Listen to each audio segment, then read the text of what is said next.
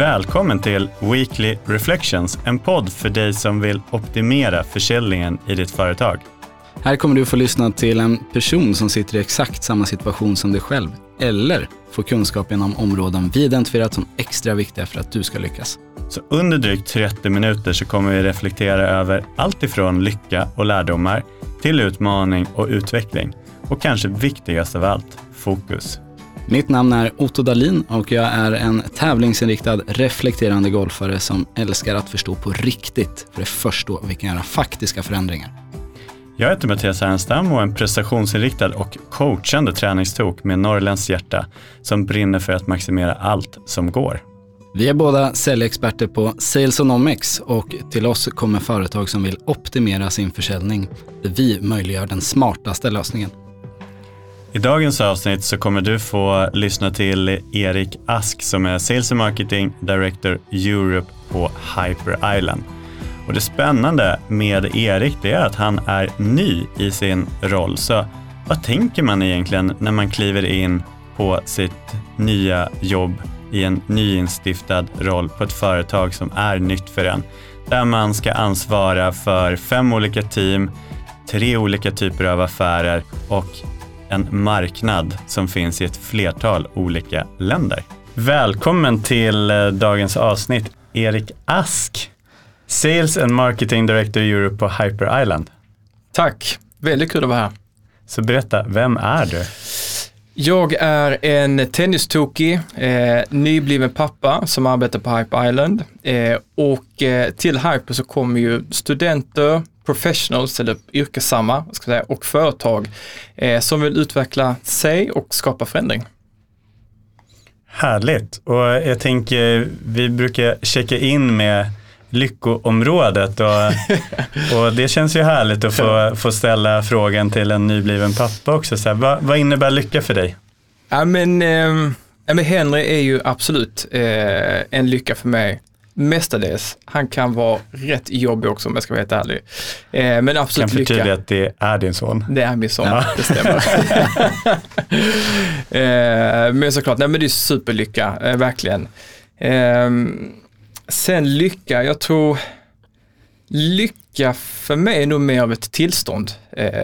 Där man, eller där man, där jag känner att jag är i, jag är liksom så tillfredsställd i nuet utan att behöva tänka framåt eller bakåt. Eh, och det kan vara olika saker. Eh, när man är på semester, när man är ute och vandrar med kompisar eh, eller vad sånt där. Men jag tror framförallt för mig handlar det om bara så att men när jag känner mig alltså verkligen så tillfredsställd i nuet, då, då är jag också ofta lycklig. Och utifrån att sitta och dela en studio tillsammans med oss här idag, vad skulle du säga skala 1 till 10, hur lycklig känner du just nu? Ja, men jag är nog ändå uppe på eh, eh, 8-9. Alltså det är snart helg, det ska bli sjukt härligt. Eh, hänga med med familjen, eh, aktivitet med vännerna ikväll så att eh, det ska bli väldigt kul. Härligt. Mm. Och eh, det här avsnittet blir ju lite speciellt på det sättet att du är ganska ny på jobbet. Stämmer, jag är ju superny. Eh, så jag började i september eh, och sen så kom ju då, nu känns det som vi bara pratar om Henry, det ska vi inte göra. Han kom ju mitt i däremellan så jag hade ju två veckor av liksom. Men nu är jag tillbaka igen. Hur kom det sig att du började på Hyper Island? Um, bra fråga. Det var, ska jag vara helt ärlig, det var ju inte tänkt så. Alltså med rent timingmässigt med kommande son och sen så går vi in i en lågkonjunktur, då kanske man inte vill ta på sig för mycket risk heller liksom. Så tänkte inte väl jag att ja, men nu ska jag gå in och byta jobb. Eh, men eh, jag känner bara så att det här, dels, jag känner till Hypersen innan, superspännande varumärke, tycker det är ett fint varumärke och jag har själv gått på berg så att jag vet vad det här kan betyda för en. Ehm, och sen också rollen i sig, alltså eh, att det är eh, kombination av sales och marketing, det hade jag innan också. Eh, men här är det flera olika, vad ska man säga, eh, team. Så att det är ju liksom yrkeshögskolan för masters, courses eh, och sen så det som är learning partnerships där, där Hyper jobbar mot företag och sen så, så här marknadsavdelningen. Eh, så hela den uppsättningen med hur man då jobbar med marknad och sälj respektive ben, den tyckte jag var superspännande och kände bara så att ah, men det här kan jag inte gå miste om. Eh, och sen såklart viktigast, jag tycker de som jag träffade under intervjuerna var eh, eh ja, men bara så väldigt härliga och jag bara kände bara så att jag connectade med dem. Eh, och det är ju såklart kanske viktigast. Och som ansvarig för både sälj och marknad, hur integrerat skulle du säga att samarbetet är där idag hos er? Ja, men vi eh, jobbar på det. Detta är ju en helt ny roll, så att den har liksom inte funnits innan. Eh, och man har ju tillsett den för att eh, ja, men de behöver samarbeta med tillsammans. Och jag tror eh, utifrån liksom min tidigare erfarenhet så finns det, så att det uppstår ju alltid silos i alla olika typer av bolag.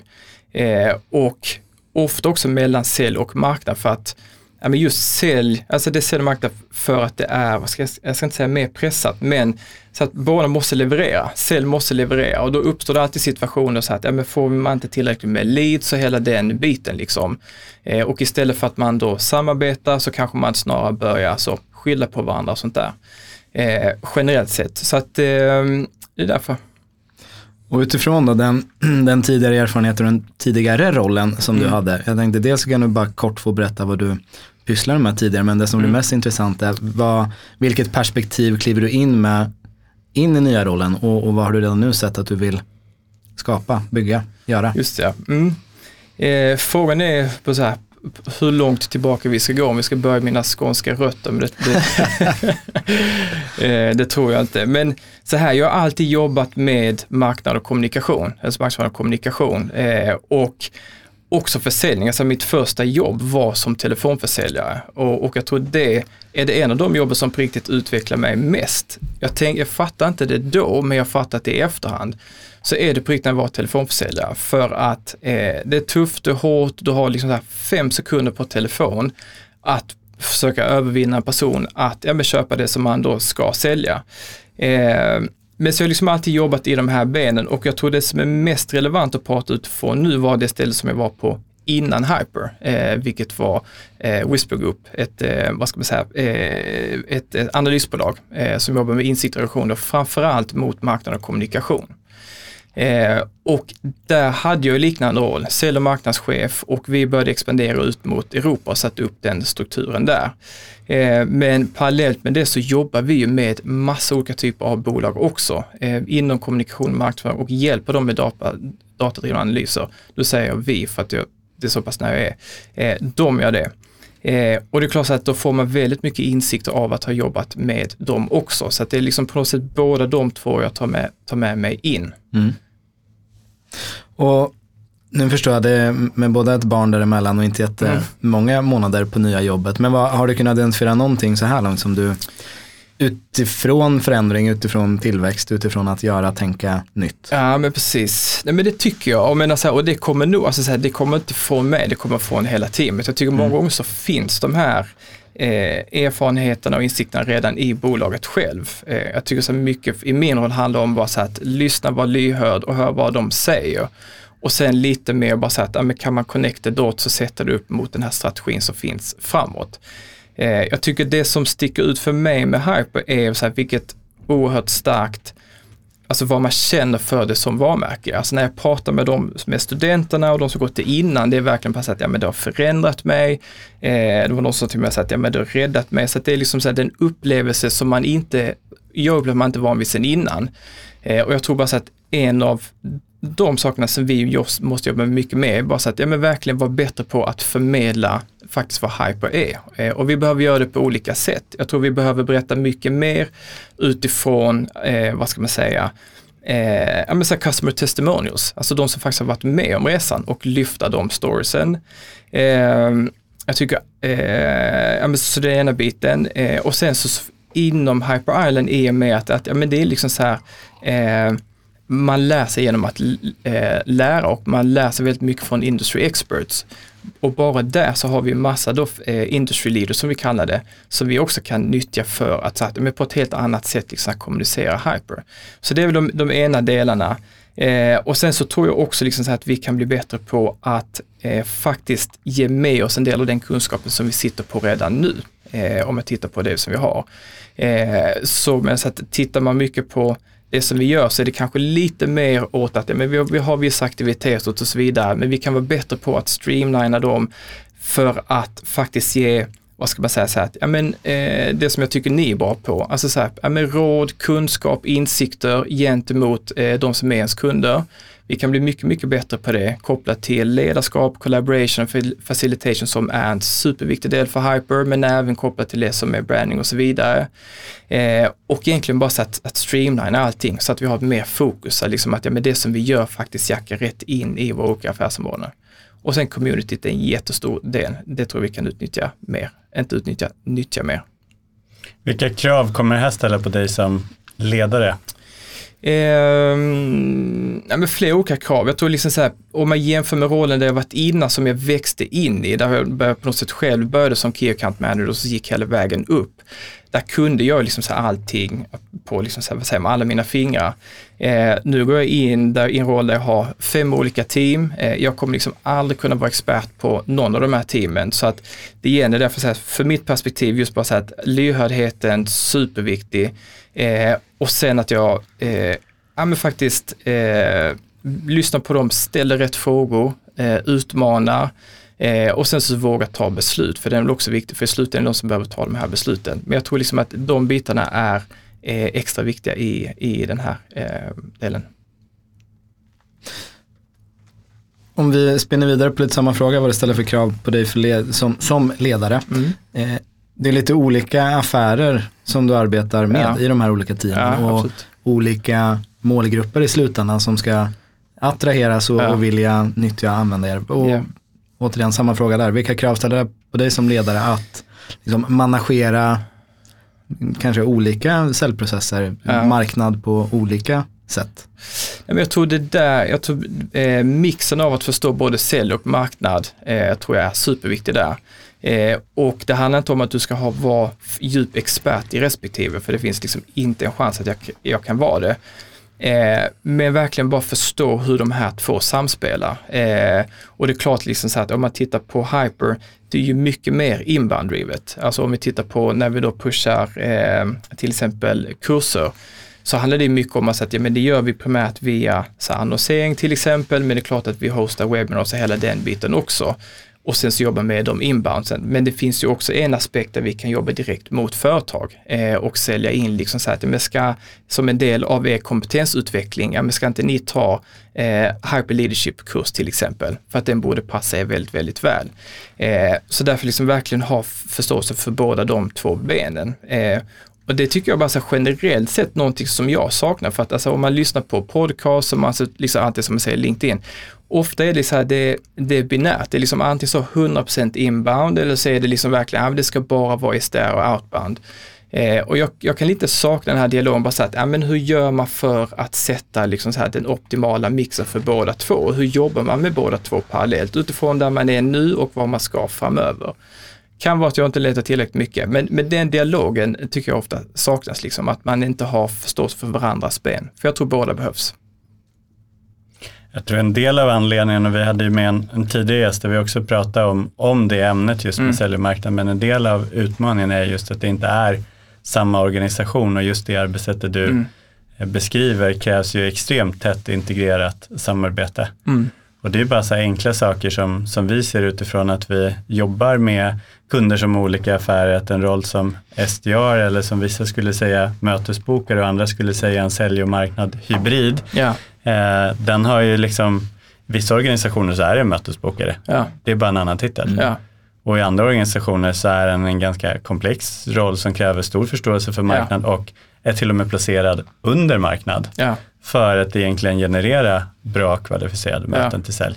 Så att det är ju olika organisering idag och där får vi väl se om sälj och marknaden finns kvar i framtiden mm. på det sättet. Mm.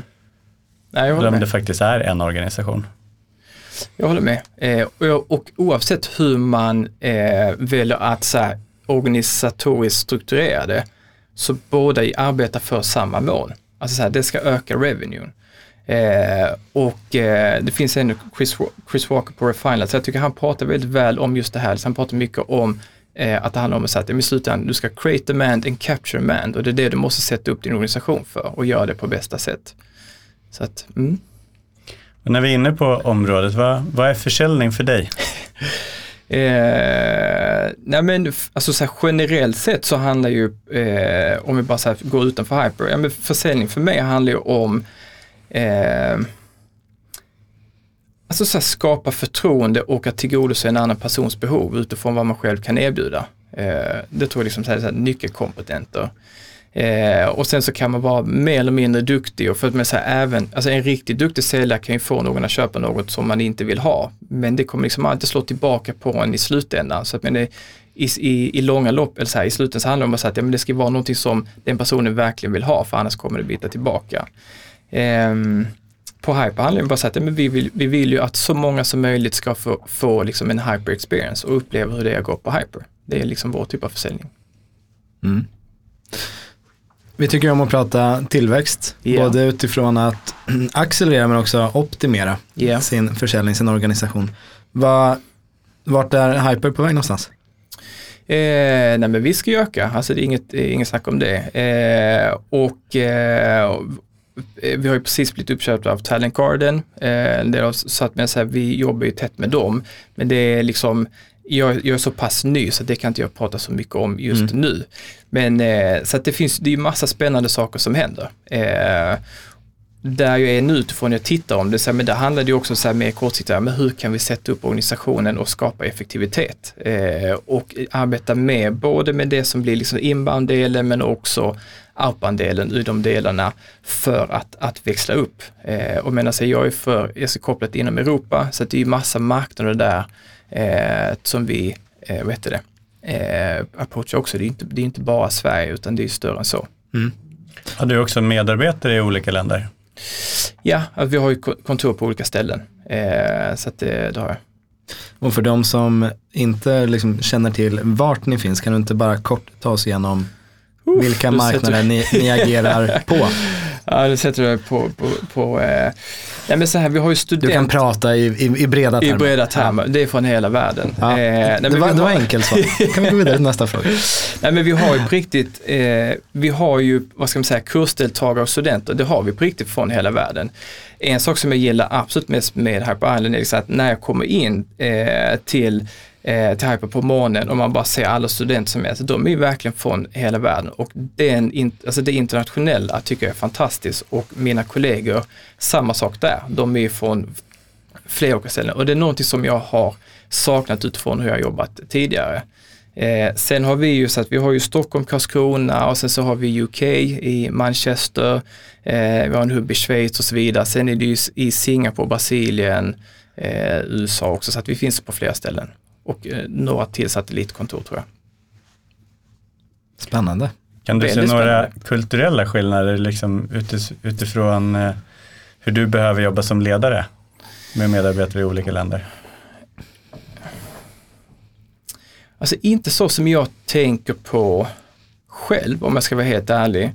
Eh, kanske för att jag jobbar så internationellt själv tidigare. Eh, därmed inte att jag gör kulturella misstag. Det kan jag 100% absolut göra. Eh, men då är det inte mer att man får säga det.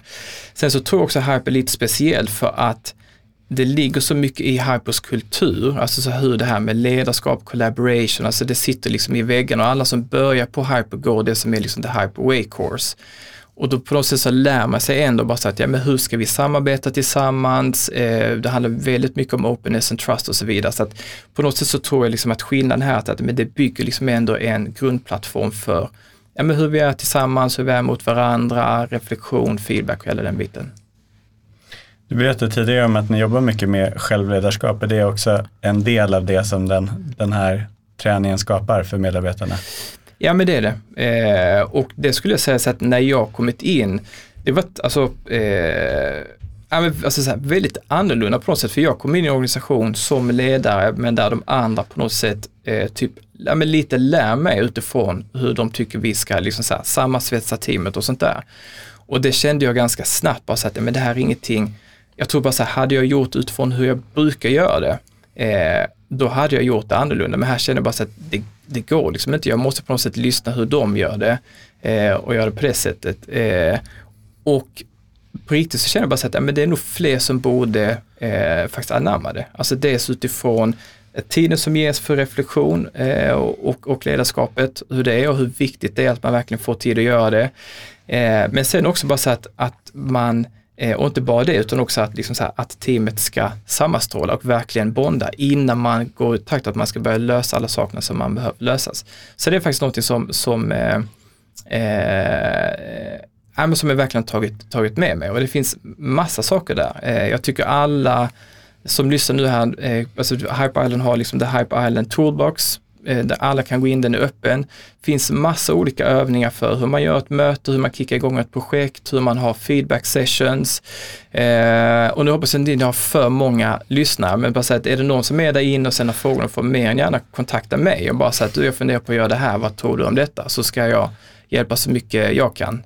Eh, men det tycker jag är verkligen någonting. Eh, och en sak som är central där, hur de jobbar, det är liksom den som är eh, vad de kallar för the content and process model. Eh, vilket handlar liksom så om att ja, men du har en uppgift och många gånger så sätter man eh, så att ja, men, eh, på något sätt, ja, men vad är syftet, vad ska vi åstadkomma och vad behöver man göra för att komma dit? Alltså det tror jag så att alla gör, det har jag själv alltid gjort tidigare. Men det alltså så här, jag upplever utifrån det jag varit innan är så att man diskuterar liksom inte hur man som team ska göra för att uppnå det. Och att man verkligen tar tid och verkligen bara säger, ja men hur ska vi faktiskt agera som team? Hur gör vi när det blir superpressat? Eh, när vi inte når våra mål? Eh, hur ska jag agera mot dig som är min chef? Jag tror bara så att liksom tar man en ordentlig diskussion kring det innan, eh, då tror jag liksom man, man har krattat manegen för allt som kan komma skall och jag tror det blir en helt annan samsyn. Vilket också är väldigt viktigt för just CS marketing. Så vi i vårt team och mellan då CS marketing så har vi jobbat ganska mycket med det nu till att börja med. Men det är ju feedback som jag fått från teamet som jag har lyssnat på. Ja, men du, du nämner ju ett, ett konkret exempel där, för jag vill återvända till det du sa om jag menar att det är viktigt för er att liksom bonda, bygga team spirit. Ja. Här, har ni några andra, har några andra exempel på hur, vad ni gör för att lyckas med det?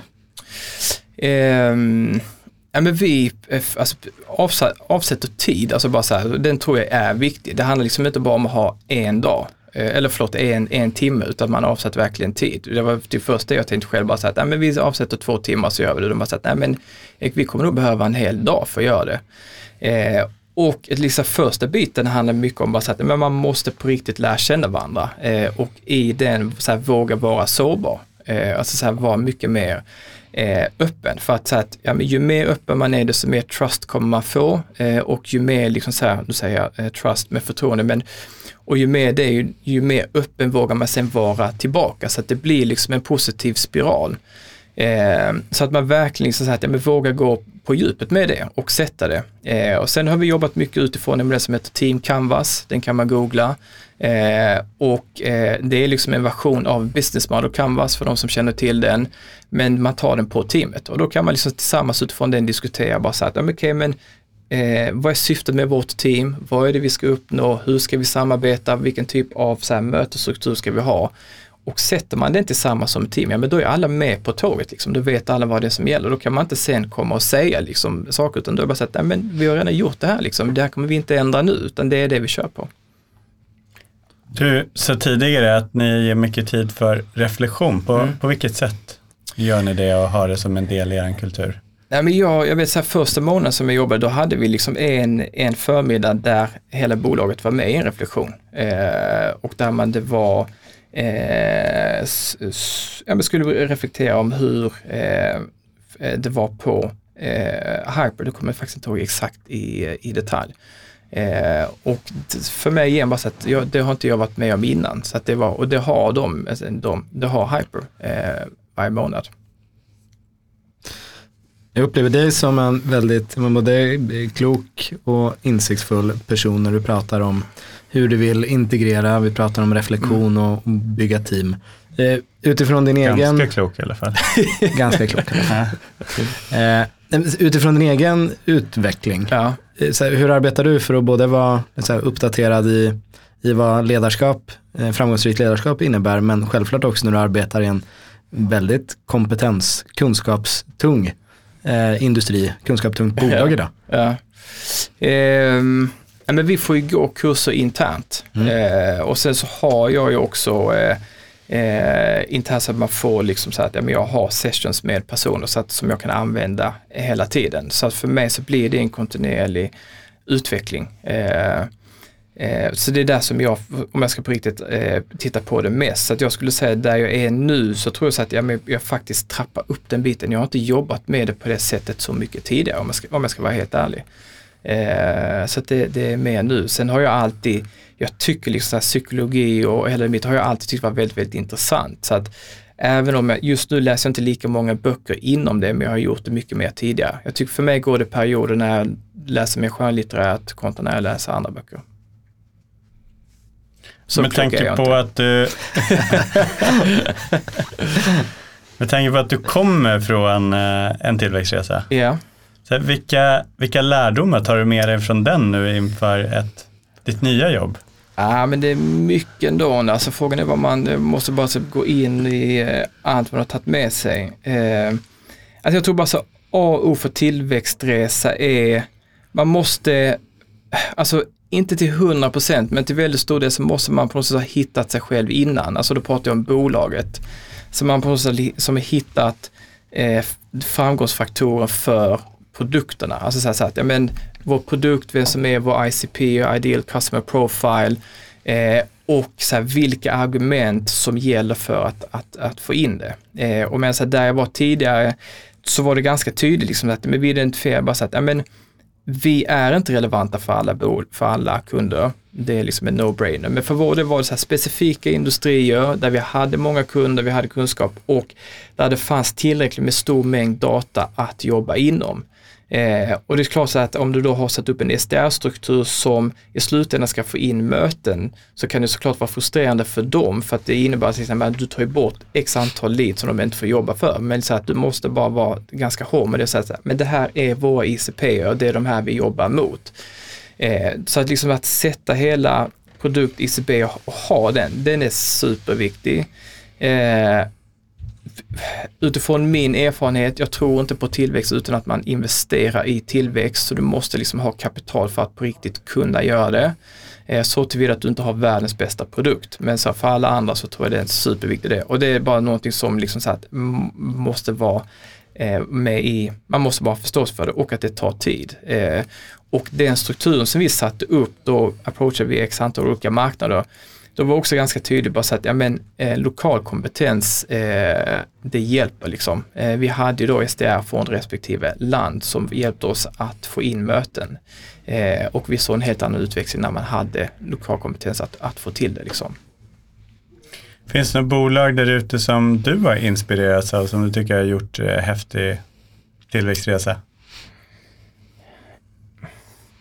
Men just Eh, nu har jag en helt ny bransch att sätta mig in i, men så att jag, eh, Refine Labs som jag nämnde innan är ett bolag som jag eh, tittar mer på nu, men det är mer utifrån liksom så att, ja, men, hur han pratar om eh, create and capture demand och hela den biten. Jag tycker han har intressant tankar kopplat till när man då mäter vad det är som konverterar, alltså från då marketing och sälj, att man måste liksom säga på något sätt, man kan inte bara lita sig till vad HubSpot eller CRM-systemet säger vilka källor de kommer ifrån eller andra. Utan du måste också verkligen fråga kunderna, ja men hur hörde du om oss för att förstå, okay, men vad är det de facto de kommenterade på? Eh, så det bolaget tycker jag är intressant, det är något bolag som jag följer. Men just nu så är jag faktiskt mer på bara att ja, jag har en helt ny bransch att sätta mig in i. Och, och där är jag nu, men där, eh, där är precis min linda. Så att eh, jag har inte, liksom, det är inte ett som jag har fastnat mer än något annat för. Vi eh, har kommit fram till eh, den här sittningens sista fråga och jag inser samtidigt som jag säger att det är inte en fråga utan jag vill faktiskt ställa två frågor. För du är ju som jag pratade om ny på jobbet. Så eh, vi vill avsluta med att få tre eh, råd och då tänker jag om vi börjar med dina tre, inte, kanske inte bästa, men tre råd du skulle vilja till någon annan som kliver in ny på jobbet under hösten, årsskiftet 22-23 här. Vad vill du skicka med då? Eh, nej men först så tror jag bara så här, innan man går in i rollen, alltså så här, det gjorde jag själv. Jag satte upp en massa möten med eh, personer i mitt nätverk som jag tycker är superduktiga. Satte upp en möte med dig Mattias, visst gjorde det tror jag. eh, för att få liksom input in. Eh, så det var en sak som var eh, viktig för mig. Vänta, han tror att han sätter upp ett möte Ja, men det, gör ju, Det var ganska många möten han satt upp. Jag kommer få det med, jag kommer alltid skylla på, på att jag är liksom fortfarande i bebisbubblan och allt det där. Eh, jag satt upp ett möte med Mattias. Eh, nej, men så det kan jag verkligen tipsa om, bara så att man liksom inte går in, för men så går du in och framförallt i en ledarroll, du är ganska ensam. Eh, och du behöver personer som du kan bolla med och beroende på hur rollen är uppsatt för mig, det är både sälj och marknad, ja, men då behöver jag personer kopplat till både sälj och marknad och i olika områden inom respektive som jag eh, kan bolla med och få input på. Eh, så den är, är, en viktig sak och sen så när man väl kommer in, eh, jag tror det är viktigt att man går in och bara säger att, så att man, behöver, man behöver inte känna att man ska prestera direkt. Eh, jag tror det är sjukt viktigt att man går in och bara så här, lyssnar lyhörd eh, och tar tid att göra sitt första assessment så att man liksom inte bara så här hoppar på någonting och visar det vara fel. Så den tror jag liksom, och att man känner liksom så här att, att man får göra det. Eh, och det tror jag också är väldigt viktigt att man tar med sin, med sin då, eh, blivande chef och bara sagt, men så här ser min första 100 plan ut. Jag kommer spendera så här många dagar på att intervjua x antal för att sen bygga planen. Eh, och sen, eh, eh, ja men också liksom så här att man, det som man sen ska Eh, alltså det assignment man har fått, att man faktiskt, eh, såklart, för, men du måste få förtroende för teamet. Och jag tror att, så att som ledare, så att, ja, men du kommer absolut ta tuffa beslut och hela den biten. Men jag tror så att du måste på något sätt bygga det tillsammans med, med teamet så att de känner sig delaktiga. Så att de inte känner bara så att men nu kommer det in någon här och sen så ska bara köra igenom massa saker. Ja. Då kommer det bita tillbaka. Så att de tre eh, tycker jag är viktiga. Just det. Mm. För att då komma till faktiskt den, den eh, sista frågan. Mm -hmm. eh, samma fråga men omformulerad till, så här, om du skulle ge råd och då tänker jag både utifrån eh, din roll idag och, och den utvecklingen tillväxten du ska driva men mm. självklart från den resan du kommer ifrån. Mm. Om du ska ge tre råd till någon som är mitt i en eller ska påbörja en tillväxtresa, vilka råd skulle det vara då? Ja men då är det nog det som jag var inne på innan. Ett, alltså har vi på riktigt kapital för att göra det. Mm. Eh, och det säger så till att man inte har världens bästa produkt. Det är den ena. Eh, säkerställa att man har liksom så här, ja, men satt produkten och eh, alltså satt hur man faktiskt säljer in den. Eh, eh, superviktig. Eh, och sen jag nämnde det här med lokala marknader, det är en, jag tror bara så att om man skulle ta, välja en annan sak där, ja men eh, låt det kosta att signa första kunden och låt den kunden vara bra och sen så bygg liksom resten av business caset på den marknaden där. Nu pratar jag väldigt mycket om att man ska gå in på nya marknader men det är utifrån det jag gjorde så därför jag har det mindsetet. Man kan såklart skala i Sverige också. Mm. Strålande. Tack för kloka råd och ett härligt samtal. Och Tack vi får eh, Eh, självklart önskar dig stort lycka till på fortsätt här nu på nya jobbet. Tack så Både mycket. i tillväxtresan hemma och på jobbet. Tack Erik. Tack så mycket. Vi har nu fått lyssna till Eriks resa som ny på jobbet på Hyper Island. Eh, om ödmjukheten att kliva in i en befintlig organisation, att driva fem team, att inte vara expert på allting och kanske framför allt om vikten i att koncentrera sig kring huret och inte vadet i vad som ska göras. I nästa avsnitt kommer vi prata att skapa förtroende digitalt. Och eh, där kommer vi att komma in på allt ifrån att säkerställa teknik till hur vi faktiskt bygger det där förtroendet när vi sitter bakom varsin skärm.